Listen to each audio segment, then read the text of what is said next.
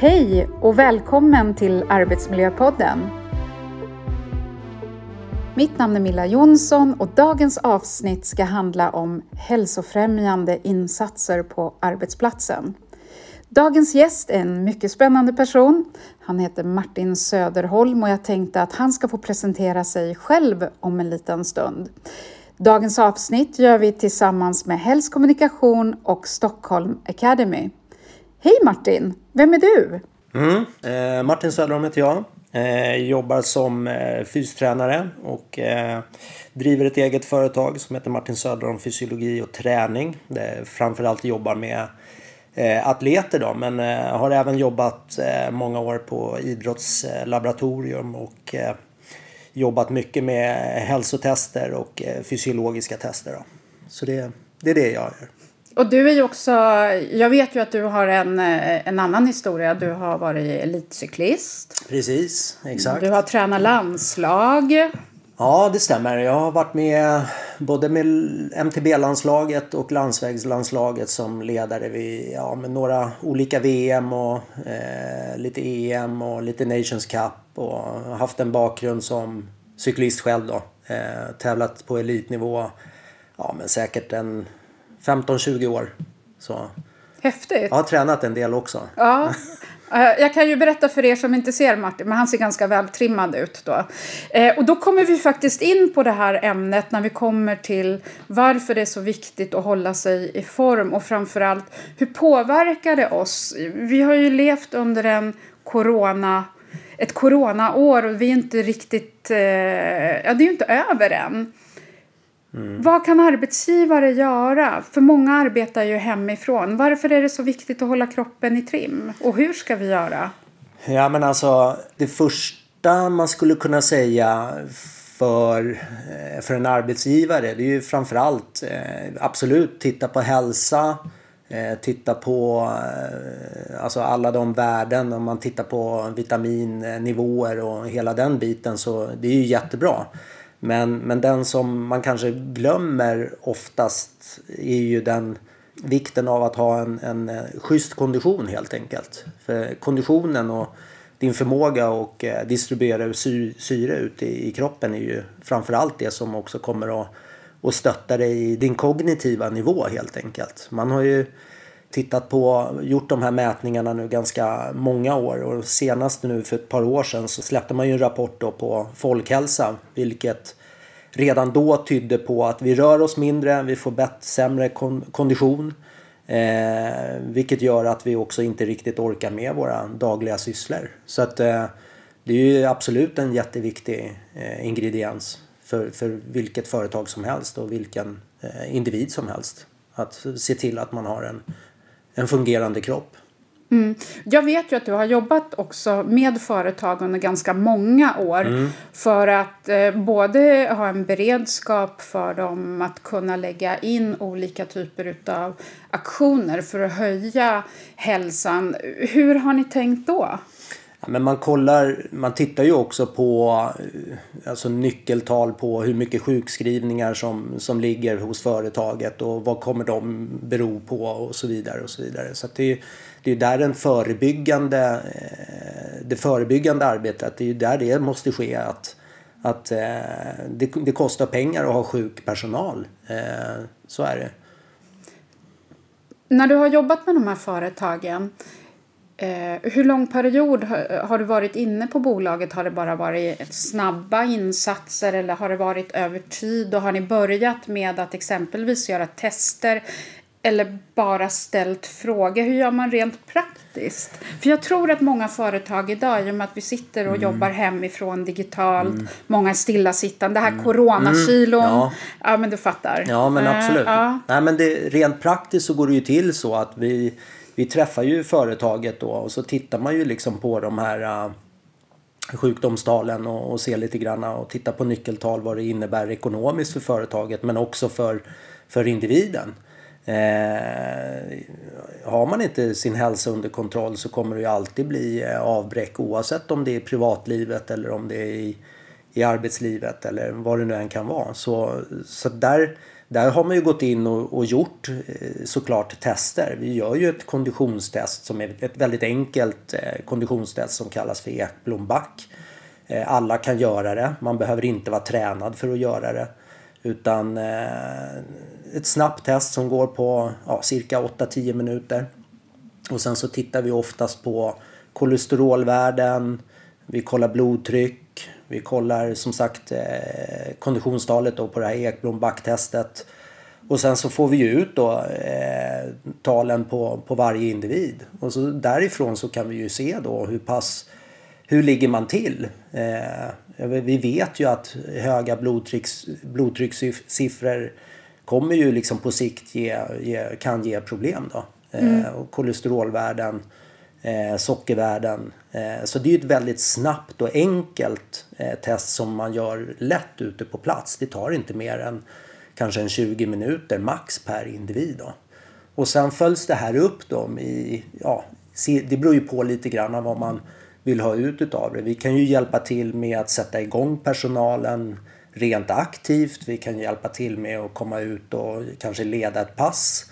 Eh, och sen fylla på med ett återkommande test då för att se att, att vi får siffrorna åt rätt håll helt enkelt. Så det är så det går till. Jag vet ju att du är väldigt digital Martin. Eh, du jobbar mycket med Zoom, du jobbar med Teams. Eh, och jag tror också att många företag kanske inte tänker på det men när ni arbetar rent konkret, säg riktat till företag där man har medarbetare som jobbar hemifrån kan man använda sig av det här mediet också för att ge de medarbetarna bra tips och råd? Till och med köra konkreta pass via nätet. Och eh, hur mottagliga har företag varit för den här typen av frågeställningar? Jag tror att det är ett jättebra sätt att eh, vi, vi vet ju liksom att det är svårt att säga till en enskild individ att eh, nu ska du börja träna.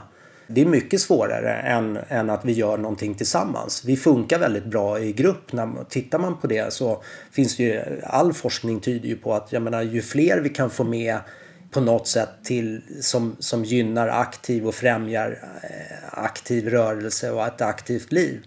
Så, så är vi tillsammans och gör det så kommer vi få ett bättre genomslag.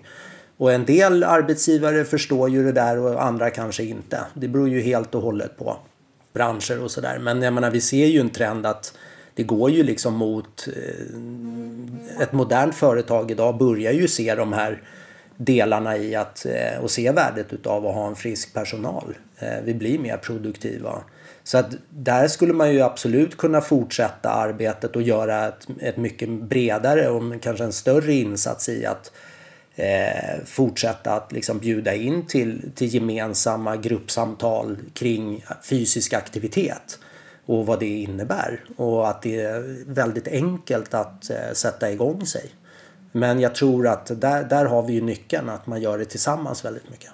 Så här har företag egentligen ett gyllene tillfälle att kunna eh, sätta en trend men också sätta nya rutiner för sina medarbetare. Eh, framförallt nu under de här specifika tiderna som är. Absolut, eh, helt klart. Eh, så, och det, jag menar, tittar man återigen då, liksom, tittar man på gruppdynamik. Det är mycket svårare att säga till en person att ah, men, eh, dina värden ser dåliga ut, du måste börja träna.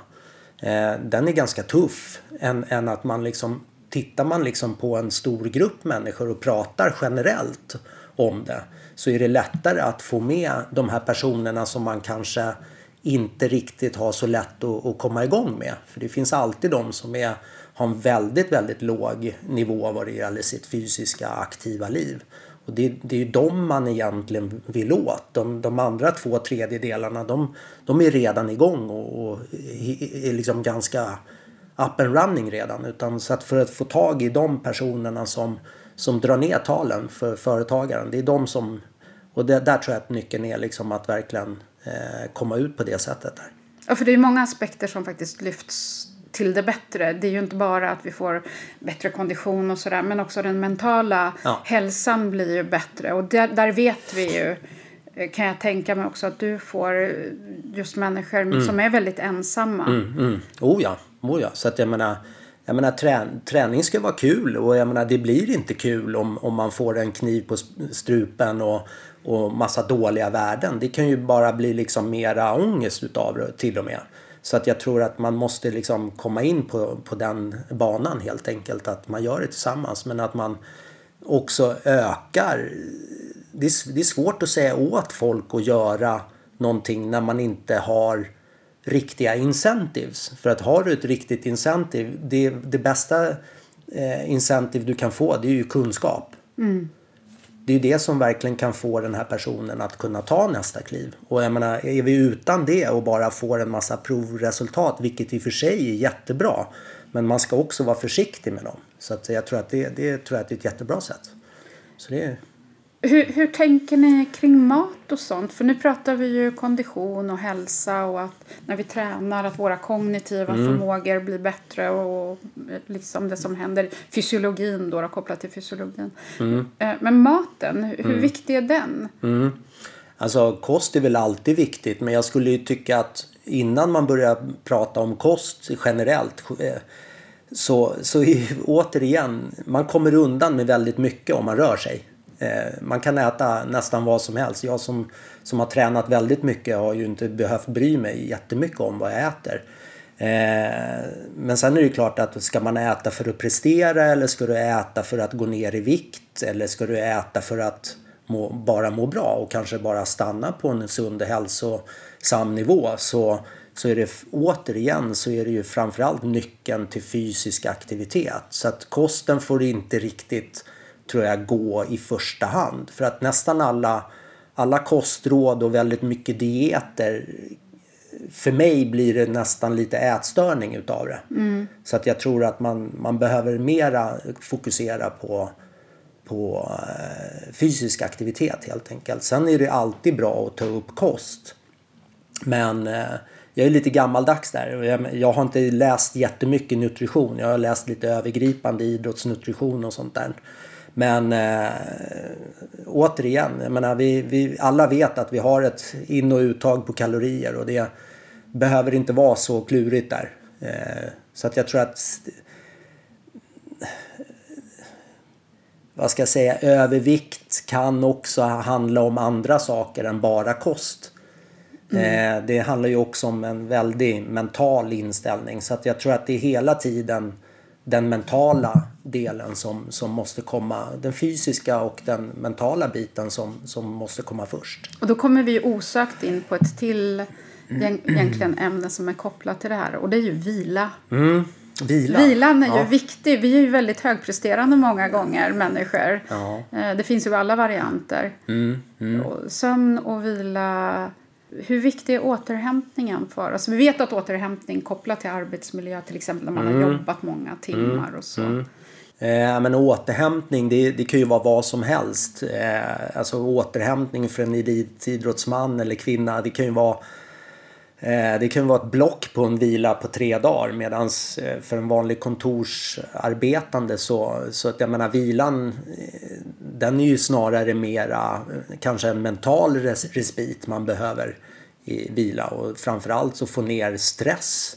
Stress är ju någonting som vi bara lider eh, ont av här i samhället och den går ju bara uppåt tyvärr. Eh, så att jag, jag, tror att vilan är också viktig på den mentala eh, nivån helt enkelt. Sen så kan man diskutera vila rent fysiologiskt vad det innebär för fysiologisk optimering och prestation då.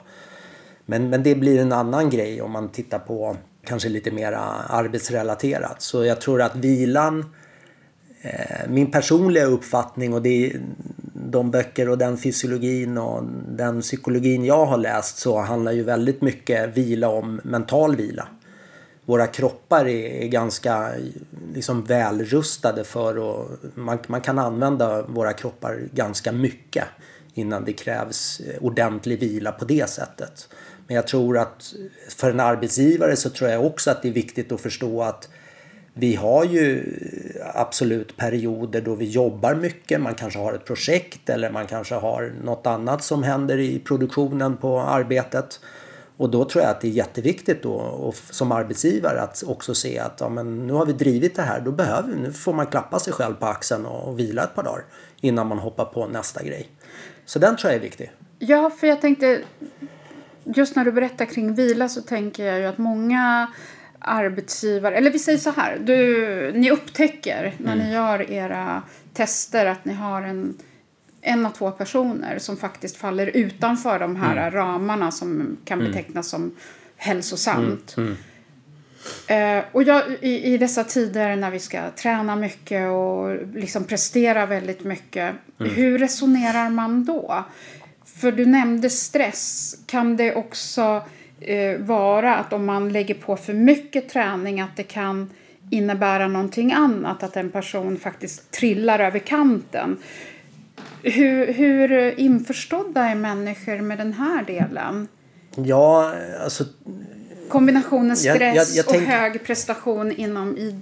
Jag tänker ju också liksom om man tittar på arbetsgivarperspektiv tänker ja. då, så, så är det ju man, man är ju väldigt insnöad på att sköta sin, sin, sitt chassi så att säga. Men det inre kanske man en del arbetsgivare glömmer bort lite grann. Och just den här vilan för den här personen som som kanske inte har en, en bakgrund med träning och har inte den här eh, naturliga drivet att liksom röra på sig. Där, då kanske man kan erbjuda någonting annat i, i för, för det kognitiva eh, välbefinnandet. Mm. Men återigen, har vi en bra kondition så kommer vi alltid fungera bättre kognitivt. Och där vet vi att vi har ju nyckeltal på hur, hur man liksom klarar en vanlig arbetsdag. Och jag menar, har du för dålig kondition då börjar man se att vi presterar sämre på jobbet, vi presterar eh, sämre tankemässigt. Sådana saker är jätteviktiga. Men jag tror att för de som faller ut utanför den här ramen som du är inne på så kanske det också skulle vara mer intressant att jobba lite mera med, med deras insida. För där tror jag att man kan göra lika stora vinningar helt enkelt. Hur öppna är arbetsgivare för den typen av, av uh, aktiviteter och insatser? Ja, men det är nog som, som med det fysiska. Jag tror att där, det fysiska har ju på något sätt kommit först i den här frågan som, som vi pratar om nu. Eh, men jag tror att eh, man börjar nog ta ja, mental ohälsa om man kollar på det så har man ju eh, börjat ta det mer och mer på allvar. Och jag tror att där kanske vi ligger efter om man jämför med blodvärden och vitaminvärden och allt vad det är. Så tror jag att man kanske ligger efter där lite grann och där, där skulle man nog kunna göra mycket, mycket mera tror jag. Så om vi ska försöka avrunda lite ja. grann tänker jag. Um, vad skulle du ge en arbetsgivare för råd? Stolpa ner några punkter. Just när det kommer till, när vi sitter just nu och jobbar hemifrån och på remote liksom avstånd. Hur skulle du råda en arbetsgivare att tänka när det kommer till hälsofrämjande aktiviteter? Ja, men för det första så Eh, det var någon som sa att som, som VD är du alltid ytterst ansvarig för dina, din personal. Och, och, det är väl någonting som de flesta företagsledarna ska veta om. Att man liksom också har ett ansvar mot den personalen man har anställt och se till att de fungerar på ett bra sätt och att man också ger dem rätt verktyg att vara en, en schysst medarbetare, må bra på jobbet. Det, det det tror jag är nyckeln. Att, att man måste driva den här frågan uppåt i företaget. Så att, så att det landar på rätt ställe. För att det finns så mycket siffror på allt det här nu så att det, det går, det, liksom, det går inte att blunda för. Är man någorlunda vettig som en, till exempel en verkställande direktör så, så kan man inte blunda för det. För att vi, vi vet att de här grejerna får genomslag på din produktion. Så, så enkelt är det ju. Så, vad du egentligen säger är att man ska ta in den här typen, alltså välmående hälsa som eh, ett strategiskt aktivt val mm. när, man, eh, när man lägger planeringen för ett företag i budgetar eller i prognoser kring hur man ska arbeta med personalen. Ja, självklart. Vad, vad är ett företag beroende av? Människor och människorna är ju, liksom, det är ju produktionen i företaget. Så man, gör man det inte så är det ju, risken är ju att man blir kortsiktig och sågar av grenen man sitter på. Så att jag, jag tror ju definitivt att det är det man ska satsa på. Man ska ju satsa, man måste ju inse att det är människor man jobbar med och ge dem rätt verktyg. Jag menar inom liksom bra och rimliga gränser såklart. Eh, och vad en företagare kan klara av. Men jag menar det här är ju någonting som de flesta företagarna fixar och vet vi har verktygen. Det gäller bara att, att få det att hända så att säga. Så det är väl rådet då. Ja, mm. Bra, härligt. Mm. Stort tack Martin för att du ville vara med i Arbetsmiljöpodden så hoppas jag och vi får möjlighet att återkomma till dig. Det vore jättekul. Ja. ja. Och så tackar jag alla andra som har eh, lyssnat på oss och eh, så hörs vi snart igen. Ha det så bra. Hej då! Hej då! Hej!